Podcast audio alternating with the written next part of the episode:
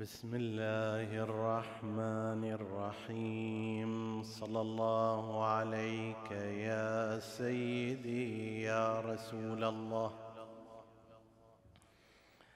صلى الله عليك وعلى ابن عمك أمير المؤمنين. وعلى أهل بيتك الطاهرين. صلى الله عليك يا سيدي ويا مولاي يا أبا عبد الله الحسين.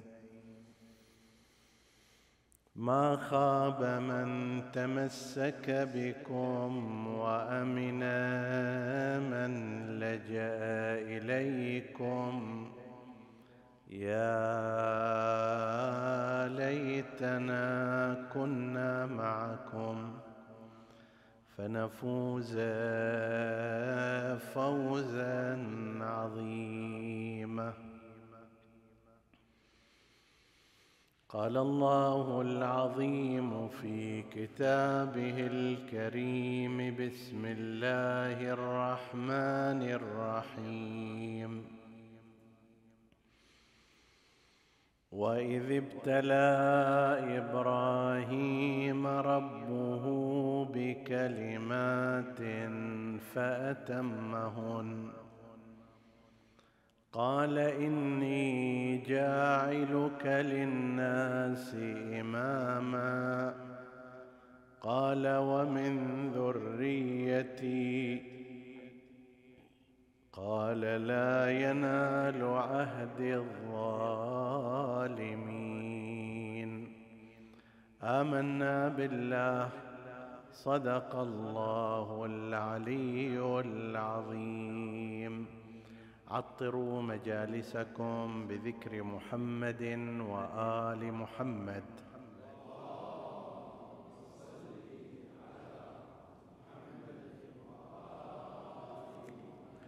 اللهم صل على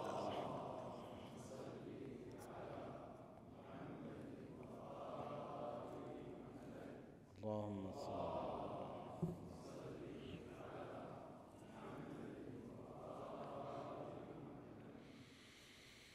حديثنا بإذن الله تعالى بعنوان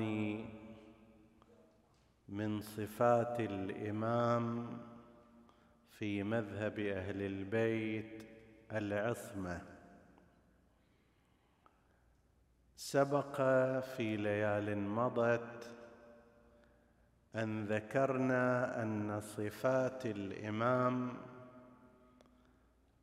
في مذهب أهل البيت صفات كثيرة.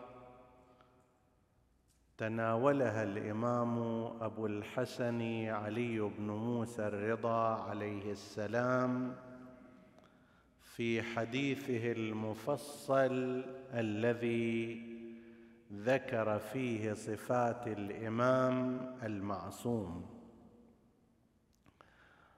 ولكننا قلنا سنتحدث عن ثلاث صفات من مجموع تلك الصفات تحدثنا منها عن صفة العلم وبينا بعض جوانب علم أئمة أهل البيت عليهم السلام وبعض المصادر التي يستقى منها علمهم. وهذا حديث قد مضى في ليال سابقة. بقي عندنا موضوعان في صفات الإمام. أحد الموضوعين العصمة والموضوع الآخر الولاية وسيأتي الحديث فيها لاحقا إن شاء الله لكن حديثنا هذه الليلة هو في موضوع عصمة الإمام. اولا في تعريف المصطلح العصمة في اللغة جاءت من كلمة عصم يعصم عاصم معصوم وهي تدل على منع شيء لشيء والامتناع بشيء عن أشياء. في القرآن الكريم يقول ابن نوح لأبيه سآوي إلى جبل يعصمني من الماء. قال لا عاصم اليوم من أمر الله إلا من رحم. هو يقول أنا أريد شيئا يمنع الماء عني يمنعني عن الماء يحجز الماء عني.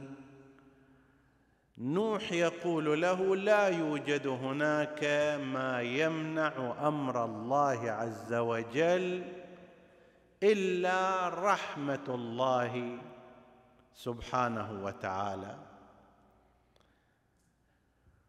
هذا في الاستخدام اللغوي.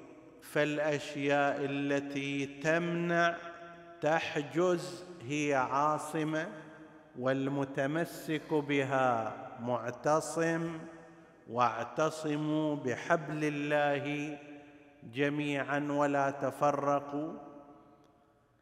امتنعوا باللجوء إلى حبل الله عن التفرق احجزوا التفرق عنكم. بالاعتصام بحبل الله وهكذا والاسم المفعول منه معصوم اسم الفاعل عاصم ومعتصم واسم المفعول معصوم. هذا من حيث اللغة من حيث الاصطلاح تعددت التعابير فيها ولكن يجمعها شيء واحد وهي أن العصمة ملكة بلطف إلهي تجعل صاحبها في منأ عن الذنوب صغيرها وكبيرها بل عن الخطأ حتى في التطبيق على رأي الإمامية فهذا في الاصطلاح وذاك في اللغة. فيها جانب إلهي فيها عناية ربانية ليست مجرد أمر اكتسابي فقط بل هي شيء من هذا وشيء من ذاك.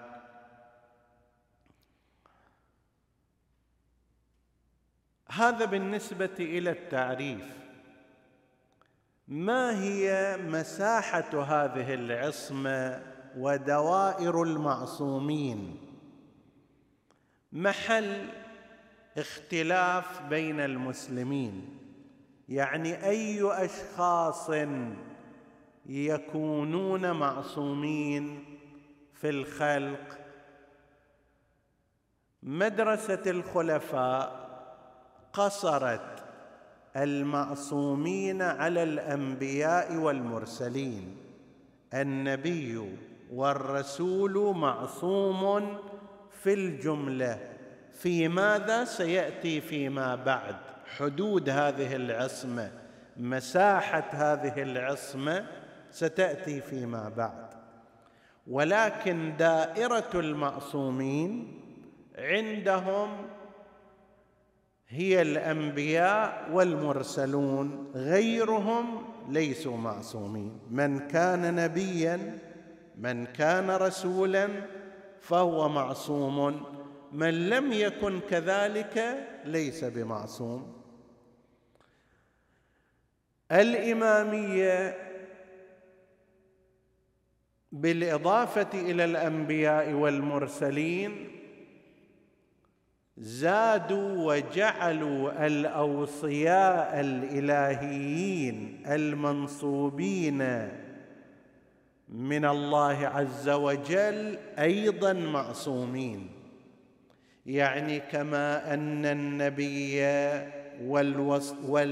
والرسول معصوم كذلك الوصي المنصوب من الله عز وجل.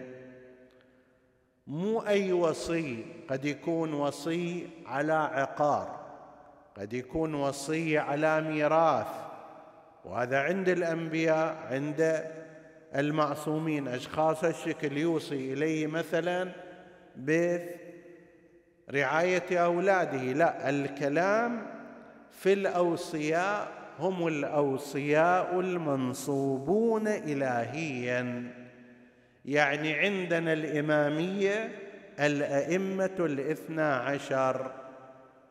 بالإضافة إلى الصديقة الزهراء فاطمة صلوات الله وسلامه عليها هؤلاء أيضا تثبت لهم العصمة.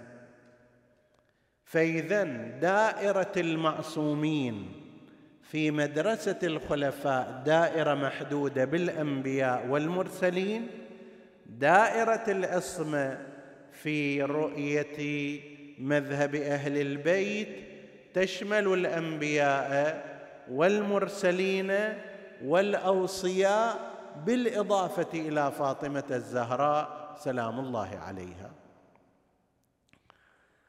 أما مساحة العصمة امتدادات العصمة أيضا هي محل اختلاف بين المدرستين. أكو ثلاث مراحل في قضية العصمة. المرحلة الأولى العصمة في تلقي الوحي وفي تبليغه. أي مرحلة أولى؟ المرحلة الثانية العصمة عن الذنب.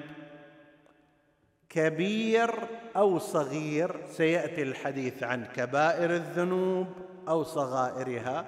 العصمة عن الذنوب أي دائرة ثانية. الدائرة الثالثة العصمة عن الأخطاء والاشتباهات. التدبيرية والخارجية والإدارية والشخصية والفردية الخارجية. في كل مرحلة من هذه المراحل أكو كلام. المرحلة الأولى وهي العصمة في تلقي الوحي وفي تبليغه. يجمع المسلمون بمختلف مذاهبهم من يعرف منهم على أن الأنبياء في تلقي الوحي من السماء معصومون وفي أدائه إلى أهل الأرض معصومون. يعني عندما يأتي الوحي إليه لا يشتبه في الاستماع. لا يفهم خطأ لا ينسى. وكذلك عندما يبلغه إلى الناس يصير هذا لو لم يكن معصوما. أنا الآن أتحدث معك من الممكن أنت للحظة من الزمان تغفل يروح ذهنك مكان بدل ما الجملة منفية تصير عندك شنو؟ مثبتة. بدل لا يذهب انت هذه اللا ما تلقيتها زين كنت. شارد الفكر فتستمع استماع غير دقيق. تلقيك يكون تلقي غير سليم. استقبالك ليس معصوما وهذا تصير أحيانا. يعني أنت تلاحظ يقول لك إحنا كنا كلنا قاعدين وكلنا سمعنا كلامه ما قال هذا الحكي اللي أنت تقوله. معنى ذلك ماذا؟ أنه هو تلقى تلقيا غير سليم. قلة فهم قلة استيعاب ذهول شرود تعمد. النبي عندما يتلقى الوحي يكون معصوما. لا يخطئ عمدا في التلقي ولا يخطئ سهوا ولا يغفل سنقرئك فلا تنسى وهذا عليه إجماع المسلمين. مدرسة الخلفاء يقولون به ومذهب أهل البيت عليهم السلام أيضا يقولون بذلك. هاي المرحلة الأولى. المرحلة الثانية العصمة عن الذنب. الذنوب كما تعلمون فيها صغائر وفيها كبائر. ستعريف الكبائر ما هي والصغائر ما هي نتحدثنا عن. هذا الموضوع في سلسلة كبائر الذنوب في هذا المسجد المبارك. لعله قبل ما أدري 15 سنة أكثر أقل. لكن التقسيم إلى الكبائر معروف.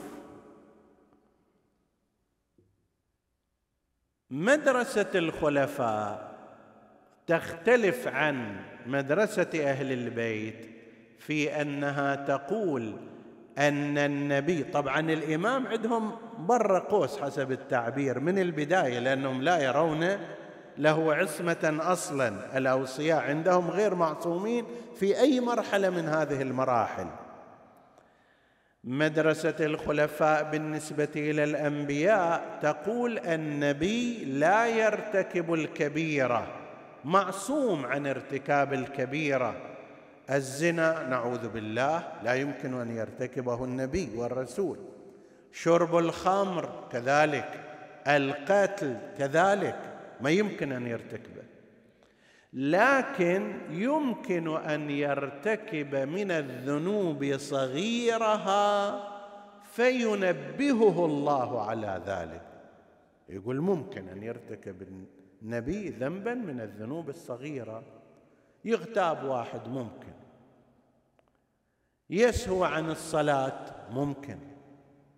أي ذنب من الذنوب الصغيرة لا يمتنع أن يرتكبه النبي لكن الله ينبهه على ذلك يقول له ترى سويت فلان شيء استغفر ربك تراجع مثلا.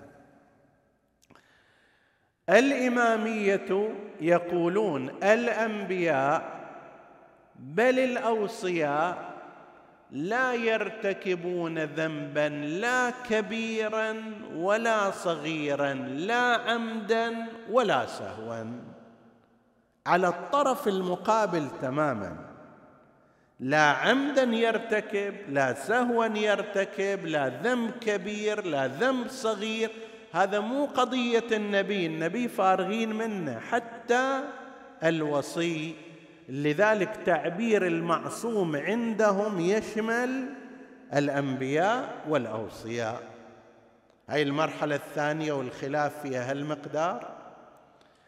المرحلة الثالثة الخطأ والاشتباه في الأمور الدنيوية والخارجية. تدبيرات تخطيطات آراء في مدرسة الخلفاء يقول لا هذا بعد النبي يخطئ وعادي جدا. وحصل هذا أيضا.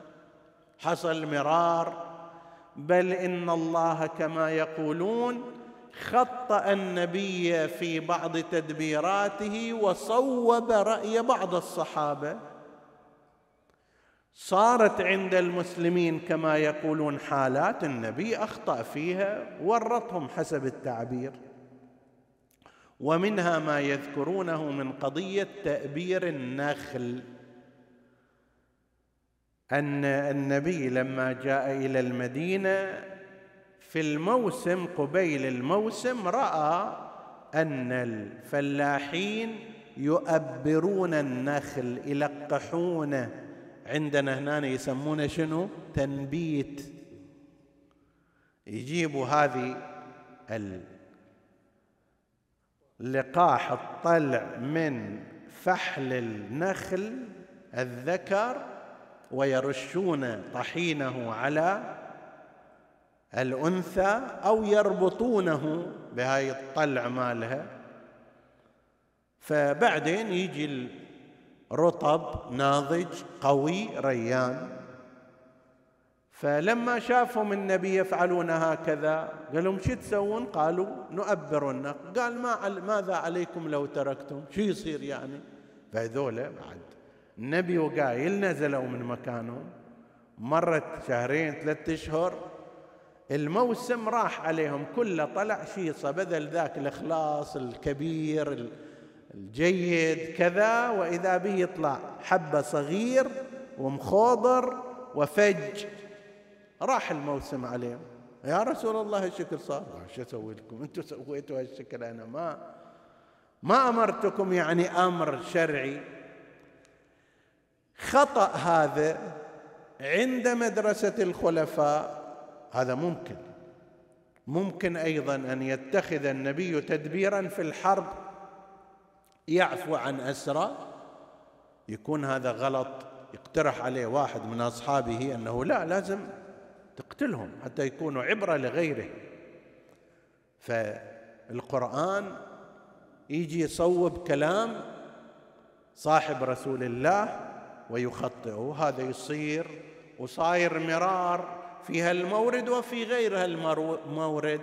فالأنبياء غير معصومين فيما يرتبط بالتدبيرات وبالتالي أنتم أعلم بشؤون دنياكم. أنا ممكن أقول لكم في الاقتصاد شيء يطلع غلط في العسكرية شيء يطلع غلط في الزراعة شيء يطلع غلط في الحكم شيء يطلع غلط. هذا عند مدرسة الخلفاء. عند الإمامية هذا الكلام من أساسه غير سليم.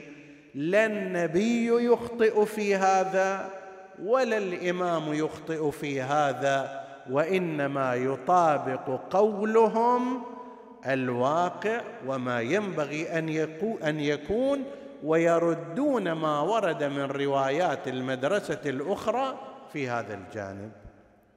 فإذا صار عندنا دائرة المعصومين بين المدرستين مدرسة الخلفاء ومدرسة أهل البيت مختلفة هؤلاء يقصرون العصمة على الأنبياء والرسل وأهل البيت يقولون بالإضافة إلى الانبياء والرسل الأوصياء الربانيون المنصوبون الهيا في مساحة العصمة في امتدادات العصمة.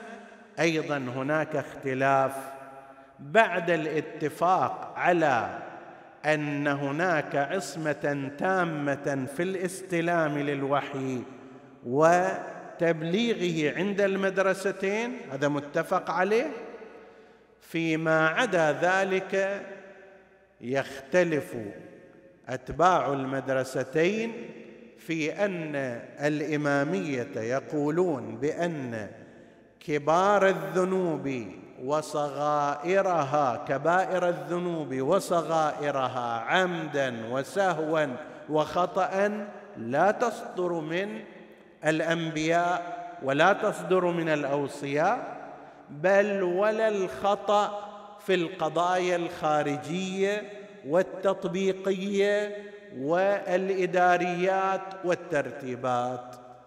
هي في دائرة المساحة في العصمه والمعصومين. لو أردنا أن نقرب معنى العصمة لأن قسم من الناس يستنكر كيف يعني 12 واحد بالإضافة إلى الأنبياء بل بالإضافة إلى أوصياء الأنبياء يصيروا آلاف كيف هذول يعني ما يعصون ما يذنبون ما يرتكبون خطأ لماذا؟ يراها كثيرة وكبيرة. نحن نريد تبسيط مأخذها.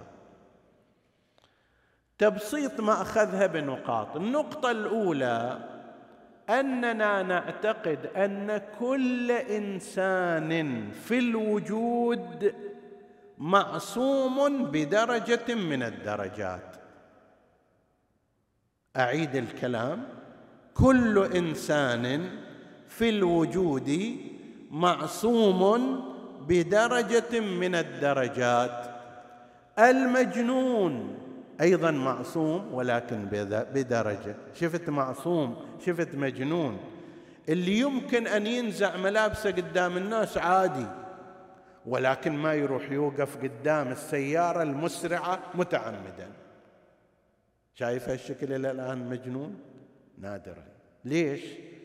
لأن عنده عصمة من إلقاء نفسه إلى الموت. عند قضية الحفاظ على حياته كل شيء مجنون فيه إلا في هذه. طيب أكو مجنون آخر في كل شيء تقدر تلعب عليه لكن في الفلوس مثلا ما تقدر تلعب عليه. ذكي هذا. طيب وأمثال ذلك. فهذا على الأقل في جانب واحد من التقصيرات ما يسويه وهو أنه يلقي بنفسه أمام السيارة المسرعة. ذاك المنتحر وهذاك مجنون ونص. إحنا كلامنا في المجنون بس واحدة. طيب. المنحرف حتى المنحرف تجده في بعض الأمور قد عصم نفسه منها. من الممكن أن يكون سارق من الممكن أن يكون شارب خمر من الممكن أن كذا. بس إذا قالوا له مثلا فلان مكان موبوء بالكورونا ما يطب فيه. يحرم على نفسه الذهاب إلى ذلك المكان. يعصم نفسه بهذا المقدار.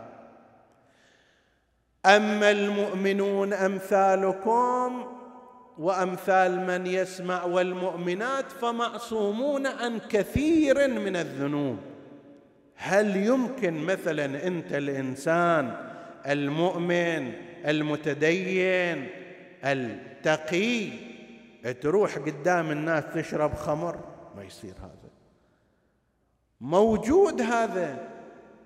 المسكر موجود. انت هم عندك قدرة على ذلك.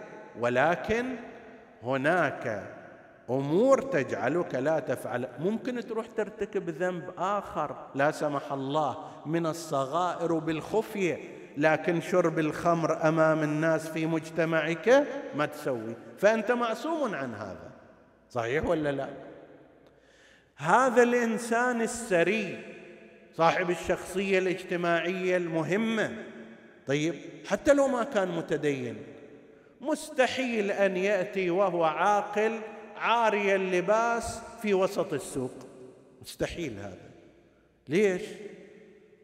هذا معصوم عن مثل هذا الفعل القبيح. لماذا بعد شوية راح نقول؟ فإذا كل إنسان في الواقع هو بدرجة من الدرجات معصوم عن فعل قبيح أو أكثر. بدرجة من الدرجات. هاي الدرجات لما تتراكم واحد معصوم بدرجة واحدة واحد معصوم بدر خمس درجات واحد بعشرين واحد بثلاثين واحد بأربعين. لما توصل إلى أقصى درجة ممكنة في البشر ذاك يصير هو المعصوم. وهذا بإرادته مو مجبور عليه. هذا المؤمن اللي ما يشرب الخمر أمام الناس ما حد أجبره على ذلك. لا هو بفعله واختياره. نفس الأمر بالنسبة إلى المعصوم الكلي بنحو مطلق هذا لا يرتكب أي ذنب من الذنوب وليس ذلك على خلاف اختياره وإرادته. هذه نقطة أولى. نقطة ثانية. التقوى معروفه عند المؤمنين. جعلكم الله وإيانا من أهل التقوى في أعلى درجاتها. التقوى هي قدرة عند الإنسان المتقي تمنعه من اقتحام القبائح والمنكرات رغبة فيما عند الله وخوفا من عقابه. وهذه أيضا درجات متعددة. لماذا يترك الإنسان المتقي القبائح والمنكرات؟ لو تروح إلى عمق هذا الأمر. لماذا؟ عادة اولا هذا المتقي يرى قبح الذنب على حقيقته ولا يرى صورته الخارجية المزيفة. يشوف الذهاب لممارسة الزنا مع امرأة لا تحل له ما يشوفها كشتة وفرفشة وسفرة لطيفة بتنا في الفندق الفلاني وناسه ما يشوف هذا ابدا. هاي هاي أغلفة خارجية مزيفة يرى أنه يرتكب تحديا لله عز وجل وأنه تحت نظر الله عز وجل مباشرة. يشوف الأمر على حقيقته ما يشوفه بأغشيته وأقطيته. شوف القرآن الكريم لما يتكلم عن بعض الذين يأكلون أموال اليتامى يقول إنما يأكلون في بطونهم نارا وسيصلون سعيرا.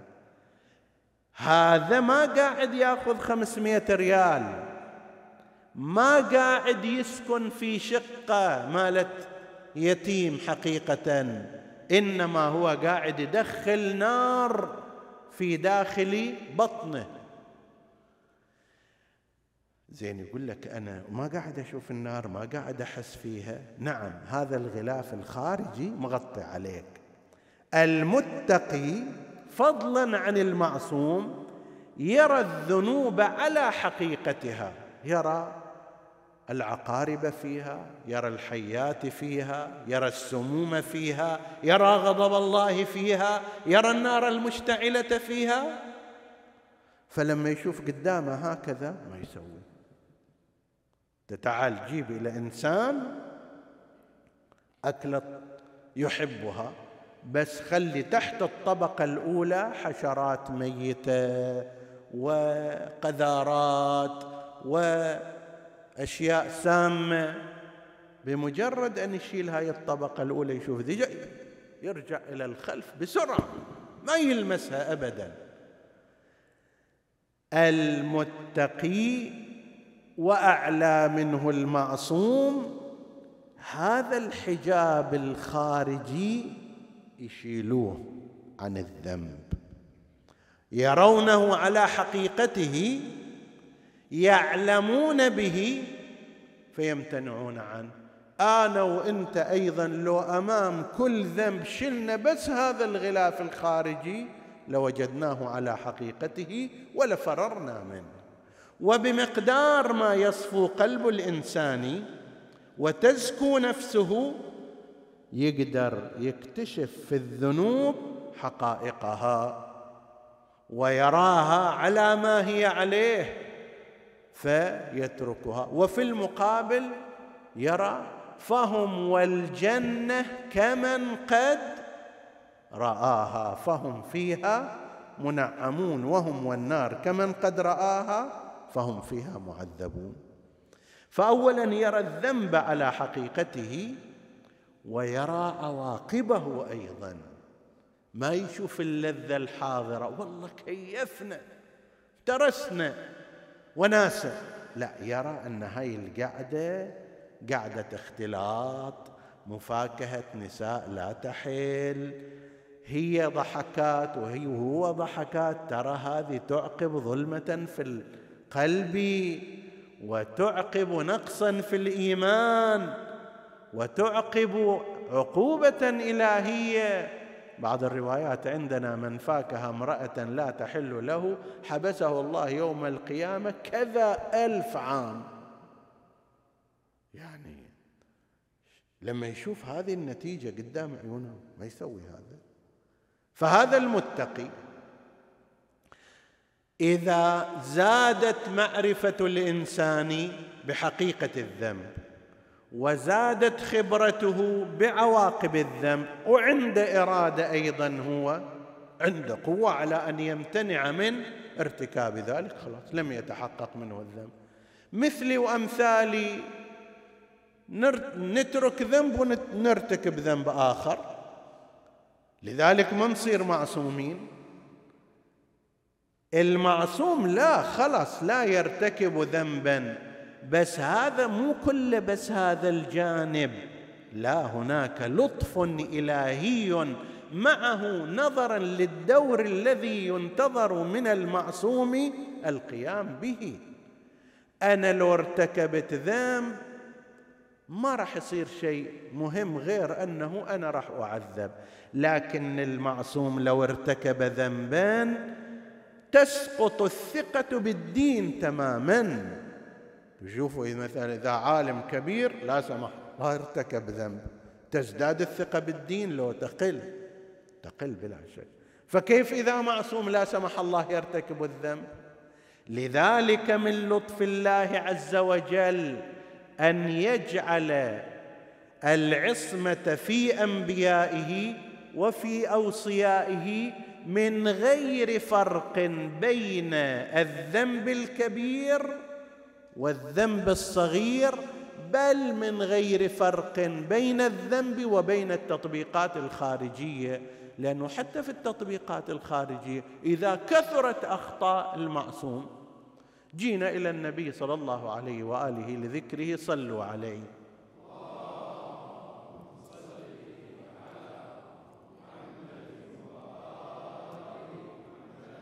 وصلنا المدينة شفنا أول يوم خرب علينا الزرع مالنا. يوم ثاني رحنا إلى حرب. على قول اخواننا المصريين بوظها يعني أفسدها. رحنا في مكان ثالث قضية اقتصاد إدارة اجتماعية حل مشاكل هم خربط فيها. ثلاث أربع تجارب كل واحدة أسوأ من الثانية في الخطأ. المرة الخامسة أنا أروح إليها أقول له تعال سوي لي هالشكل لو أقول هذا يظهر إحنا أحسن منا نحل مشاكلنا. إحنا أخبر منا في الزراعة وأخبر منا في الري وأخبر منا في الاقتصاد وأخبر منا في حل المشاكل الاجتماعية وأخبر منا في الإدارة السياسية. على ويش نروح إليه؟ فتقل الثقة ثقة الناس بالنبي وبالإمام. إذا قلت ثقتهم به نفروا منه وتركوا هديه. الله إنما لطف بنا حتى إحنا نقدر ناخذ من النبي باستمرار وما آتاكم الرسول. فخذوه. مو أنه اتركوه ما عليكم منه وهذا اليوم يخطئ وباكر يخطئ وما راح يوصلكم إلى ما تريدون من السعادة. فلذلك نحن نعتقد أن النبي والوصية لا يمكن لا أن يرتكب ذنبا صغيرا فضلا عن الكبير بل ولا حتى حتى يخطئ في التطبيقات والتدبيرات لأن مآل ذلك مآل ذلك إلى نفرة الناس عن المعصوم عن النبي عن الوصي وتركهم إياه. وهذا ما لا يريده الله عز وجل. الله يريد الناس أن تكثر ثقتهم بأنبيائه وأوصيائه وأن يستلموا منه التوجيهات من دون توقف. الآية المباركة أيضا مما استشهد به واستدل به على لزوم العصمة في الأنبياء وأئمتنا أيضا استشهدوا بها على لزوم العصمة في الأوصياء. الآية هكذا واذ ابتلى إبراهيم ربه بكلمات. إبراهيم بعثه الله بالنبوه. بعد ذلك عمل له عده امتحانات. اراه ملكوت السماوات والارض. امتحنه في ذبح ولده. غير ذلك من الأمور. فاجتازها كلها واحدة بعد الاخرى. فأتمهن. بعد ذلك قال إني جاعلك للناس إماما. هذا فد بحث طويل أيضا قضية الإمامة الإبراهيمية التي جاءت بعد النبوة ما هي وما هي حدودها؟ يحتاج إلى بحث خاص. قال إني جائلك للناس إماما. إبراهيم باعتبار أنه وعد في السابق بأنه سيكون له أوصياء بشره الله بإسماعيل وبشره بإسحاق. طيب فبل ومن وراء إسحاق يعقوب أيضا. فالآن قال له إني جاعلك للناس إماما. نبي إبراهيم طموح. قال ومن ذريتي مو بس أنا ومن ذريتي قال لا ينال عهدي الظالمين. عهدي أنا عهد الله عز وجل ولاية الله دين الله تشريع الله لا يصل إلى الظالمين. من لم يكن ظالما يصل إليه كما بالفعل حصل بالنسبة إلى إسماعيل وإسحاق وهكذا. وين وجه الاستدلال في هذا؟ العلامه الطباطبائي رضوان الله عليه في تفسير الميزان يقول قال بعض الأساتذة أساتذته هو هل هو شيخ محمد جواد البلاغي رحمة الله عليه أو غيره؟ لم يصرح بذلك. شيخ محمد جواد البلاغي كان مفسري من مفسري القرآن العظماء وهو أستاذ السيد الخوئي في تفسير القرآن الكريم. فهل هذا أو غيره لم يصرح به في الميزان؟ ولكنه ينقله عنه. يقول بعض أساتذتنا قرب الاستدلال بهذه الطريقة. كيف نستدل بهذه على لزوم العصمة في الأنبياء والأوصياء؟ قال لأن الناس بحسب القسمة العقلية أربعة أقسام لا يمكن أن يخرجوا عنها الأربعة. إما واحد طول عمره من أول عمره إلى آخر عمره كله كان عاصي ظالم لنفسه. هذا بايع ومخلص حسب التعبير. عاص في أول عمره عاص في آخر عمره. هل يعقل أن يسأل إبراهيم ربه أن يجعل هذا نبيا أو وصيا؟ معقول؟ كلا. ليش؟ لأنه رجل عاصي من الأول وعاصي من الآخر. ليس معقولا أن يسأله أن يكون من ذريته. إذا أكو أحد الشكل أن يجعله نبيا أو وصيا فهذا طلع. بقي عندنا ثلاثة أقسام. القسم الثاني هو أن يكون شخص أول عمره صالحا ولكن النصف الثاني من عمره فاسد ظالم زاني طاغي. هل هذا معقول أن يصير نبي أو وصي؟ معقول؟ كلا. مثل فد واحد لنفترض إلى أن صار عمره ثلاثين سنة خوش آدمي. من سنة من عمره صار ثلاثين إلى عمره ستين كل معاصي وذنوب وكبائر. تخليه هذا إمام جماعة؟ ما تخليه إمام جماعة. فكيف تخليه وصي أو نبي؟ من كان أول من كان في أول عمره طائعا ولكن في القسم الأخير من عمره كان عاصيا. أصلا هذا مو محل سؤال فهذا أيضا شيلة. بقي عندنا قسمان. قسم من كان في أول عمره طائعا وفي آخر عمره طائع. طول هذه المدة لم يرتكب الذنوب. لا في أول العمر ولا في آخر العمر. هذا قسم. والقسم الآخر من كان في أول عمره قد ارتكب بعض الذنوب ولكن في النصف الثاني من العمر تاب وأصلح وأطاع وإلى غير ذلك. أما القسم الثالث وهو أن يكون طول عمره طائعا ولم يذنب فهذا يثبت قضية العصمة هذا اللي نريده إحنا. القسم الرابع هو اللي يسأل عنه وتجاوب عنه الآية المباركة أنه لو فرضنا فد واحد كان النصف الأول من عمره سيئا. كان يرتكب الذنوب لكن النصف الأخير من عمره أصبح من أحسن ما يكون. هذا يمكن يدخل الجنة.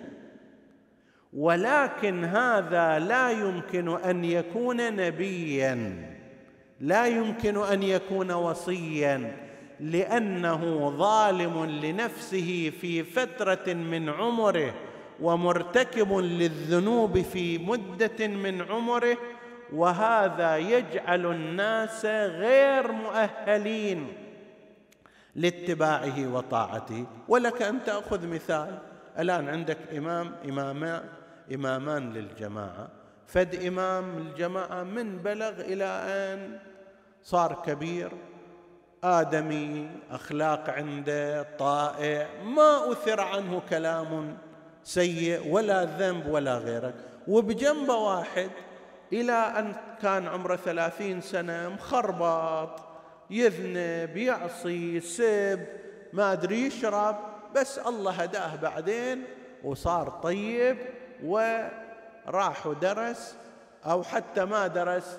يحتاج صلاة الجماعة فقط تحتاج لها عدالة وحسن قراءة. صار هكذا وإجي يصلي. أنت قدامك إماما جماعة أيهما تختار؟ لا شك ذاك الذي كانت سيرته من أول عمره إلى آخر عمره سيرة طيبة. هذا مع أن صلاة الجماعة جدا شيء بسيط لا يتحمل فيها الإمام إلا شنو؟ الفاتحة والسورة. وحتى لو تبين أن صلاة الإمام باطلة صلاتك ما تكون باطلة. تقبل فرادى. إذا أنت ما تدري عنه. يعني صلاة الجماعة أمرها أمر سهل. كيف إحنا نجي واحد مده من الزمان كان عاصيا مذنبا شاربا مشركا لفترة من الزمان. الآن صار خوش آدمي هل تعطيه النبوة؟ هل تعطيه الإمامة؟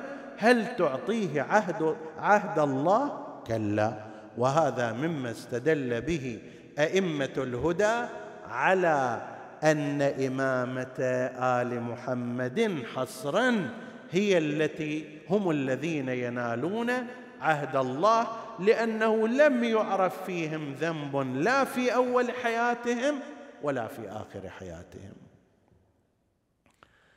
أهل البيت صلوات الله عليهم نزلت فيهم الآيات مثل إنما يريد الله ليذهب عنكم الرجس أهل البيت ويطهركم تطهيرا. إذا صار فرصة نتحدث عن هذه وقد ذكرنا في بعض الأوقات يذهب يعني قبل ما يوصل الرجس هو مدفوع عنكم. يذهب يعني يدفع عنكم الرجس. ما يوصل لكم وبعدين يطهركم منه. ما يخلي الذنب يوصل إليكم وإنما هي عملية إذهاب حاجز منع عصمة. إن شاء الله إذا صار وقت نتحدث عنها. فهؤلاء أهل البيت هم الذين يستحقون هذا الموضع وهذه المنزلة وهذه الكرامة وليست هذه هي الآية الوحيدة التي نزلت فيهم بل كثير من الآيات ربما نشير إليها في أوقات لاحقة. ولقد عرف الناس أن عنوان أهل البيت عنوان مقدس. لذلك أعداؤهم ما الذي صنعوا؟ ما قالوا أهل البيت مو زينين. ما قالوا أهل البيت أهل ذنوب. لا يستطيعون ذلك. وإنما ما الذي صنعوا؟ صنعوا أمرين. إما أعطوا بدائل خطا بدل ما يكون علي وفاطمة والحسنان وأبناء الحسين صار فلان وفلان وهكذا. هذول أهل البيت. وبعضهم قال كل الأمة بعضهم قال زوجات رسول الله بعضهم قال العباس بن عبد المطلب بعضهم قال وهكذا. فأعطوا مصداق بديل. هذا واحد اللي سووه. وواحد آخر إذا ما قدروا يعطون مصداق بديل على الأقل حجزوا الناس عن أن يعرفوا أن عنوان أهل البيت هم هؤلاء. خليهم في جهل. خلي الأحاديث لا توصل لهم ذكرنا في سنة مضت عن سنة النبي صلى الله عليه وآله أنه تم منع الحديث مدة حوالي تسعين سنة من وفاة رسول الله إلى زمان عمر بن عبد العزيز. هذا المنع ليس منعا بريئا. وحتى المبررات التي قدمت ذكرنا أنها مبررات بائسة وغير صحيحة لكنها أثرت أثرها فعلت فعلها بحيث اولا قسم كبير من المسلمين ما ربطوا بين أهل البيت وقسم منهم هو أساسا حجبت عنهم الأحاديث في المناقب والفضائل. اللي وصل من الأحاديث والمناقب لأنها كثيرة جدا فحتى لو حجزت نصفها ثلاث أرباعها يبقى أيضا فرد مقدار كافي حجزوا عنهم المصداق. آل البيت مو هذولا. أي واحد تخلي يدك ما يخالف خلي عليه ولكن ليسوا هؤلاء. ولذلك قسم من الأمة ذهبوا حتى إلى حد قتال أهل البيت. هم يقرؤون صباحا إنما يريد الله ليذهب عنكم الرجس أهل البيت وظهرا يسلون سيوفهم في وجه أمير المؤمنين والحسن والحسين. أي مو مفارقة؟ صباحا يقرؤون قل لا أسألكم عليه أجرا إلا المودة في القربى وفي اليوم التالي يحاربون هؤلاء. هذا معناه أنه تم التعمية على المصداق. وفي قضية الشام لما وصل ركب الإمام الحسين السبايا مشاهد كثيرة من هذا المعنى. لما دخلوا إلى الشام أحد المشايخ هناك ورأى الإمام زين العابدين مقيدا على تلك الناقة فقال الحمد لله الذي قتلكم وأمكن أمير المؤمنين منكم.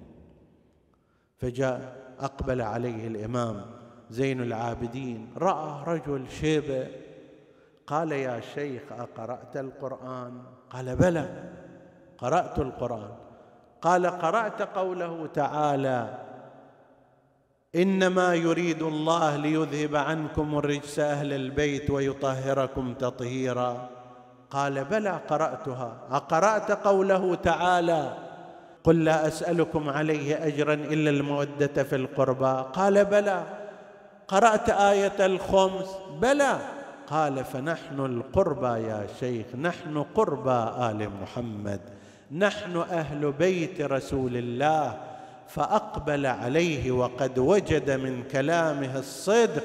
أقبل ذلك الشيخ على إمامنا. قال بالله عليكم أنتم هم؟ قال إي وحق جدنا رسول الله إنا أهل بيت محمد. فجاء ذلك الشيخ مستغفرا تائبا معتذرا إلى إمامنا. هذا واحد من الناس وإلا أكثر الناس خرجوا للتفرج على هؤلاء الخوارج في زعمهم البغاة في زعمهم. لا سيما وأن الأمويين أدخلوا كما في الروايات التاريخية ادخلوا الركب الحسينية ركب السبايا بعد صلاة الجمعة. باعتبار أن الناس وصلوا اولا قبل قبل الظهر فأبقوهم خارج أسوار دمشق إلى أن يصير خروج الناس من صلاة الجمعة والناس كلها مجتمعة فيدخل هذا الركب. المسبي لكي يتفرج عليه الناس ويتشمتون عليه. هؤلاء أهل البيت هؤلاء قرابة رسول الله هؤلاء فلذات كبد رسول الله صلى الله عليه وآله. لكن هكذا الذي حصل فأدخلوهم على تلك الحالة وكانوا مربوطين بالحبال. يتفرج عليهم الناس ويهتكون سترهم. والإمام زين العابدين على تلك الحالة يلوي ركبته ويدير عينه. يلوي رقبته ويدير عينه. يفطير مهجة اللي يسمع ونينه علي لي يصيح أبو حسين وين؟ انت انصبيت وإحنا انسبينا يقول الخبر خرج المنهال بن عمرو فرأى زين العابدين يمشي عند تلك الخرابه التي قد أسكنوا فيها وقد سال الدم من ساقه أقبل عليه يقول يا ابن الحسين كيف اصبحت قال يا منهال أصبحت العرب تفتخر على العجم بأن رسول الله منها. وأصبحت قريش تفتخر على سائر العرب بأن محمدا منها. وأصبحنا آل رسول الله مقتولين. مشردين في الأوطان. يقول بينما أنا أخاطبه ويخاطبني وإذا بامرأة جاءت من خلفنا وهي تنادي إلى أين يا بقية الماضين؟ أنا ابن ولاة الأمر في كل موطني. بنا شيد الإسلام والدين قد بني. أبعد استلام الناس كعبة مسكني. أقاد ذليلا في دمشق كأنني من الزنج عبد غاب عنه نصير. فيا ليت أمي لم تلدني ولم أكن يزيد يراني في القيود أسير. نسألك اللهم وندعوك باسمك العظيم الأعظم الأعز الأجل الأكرم. يا الله اغفر لنا ذنوبنا كفر عنا سيئاتنا آمنا في أوطاننا. لا تسلط علينا من لا يخافك ولا يرحمنا. ولا تفرق بيننا وبين محمد وآله طرفة عين. احفظ اللهم إخواني السامعين فردا فردا واقض حوائجهم. اشف اللهم مرضاهم لا سيما المرضى المنظورين. ومن أوصانا بالدعاء وتقبل اللهم عمل المؤسسين بأحسن القبول إلى أرواح موتاهم وموتى السامعين نهدي ثواب الفاتحة تسبقها الصلوات.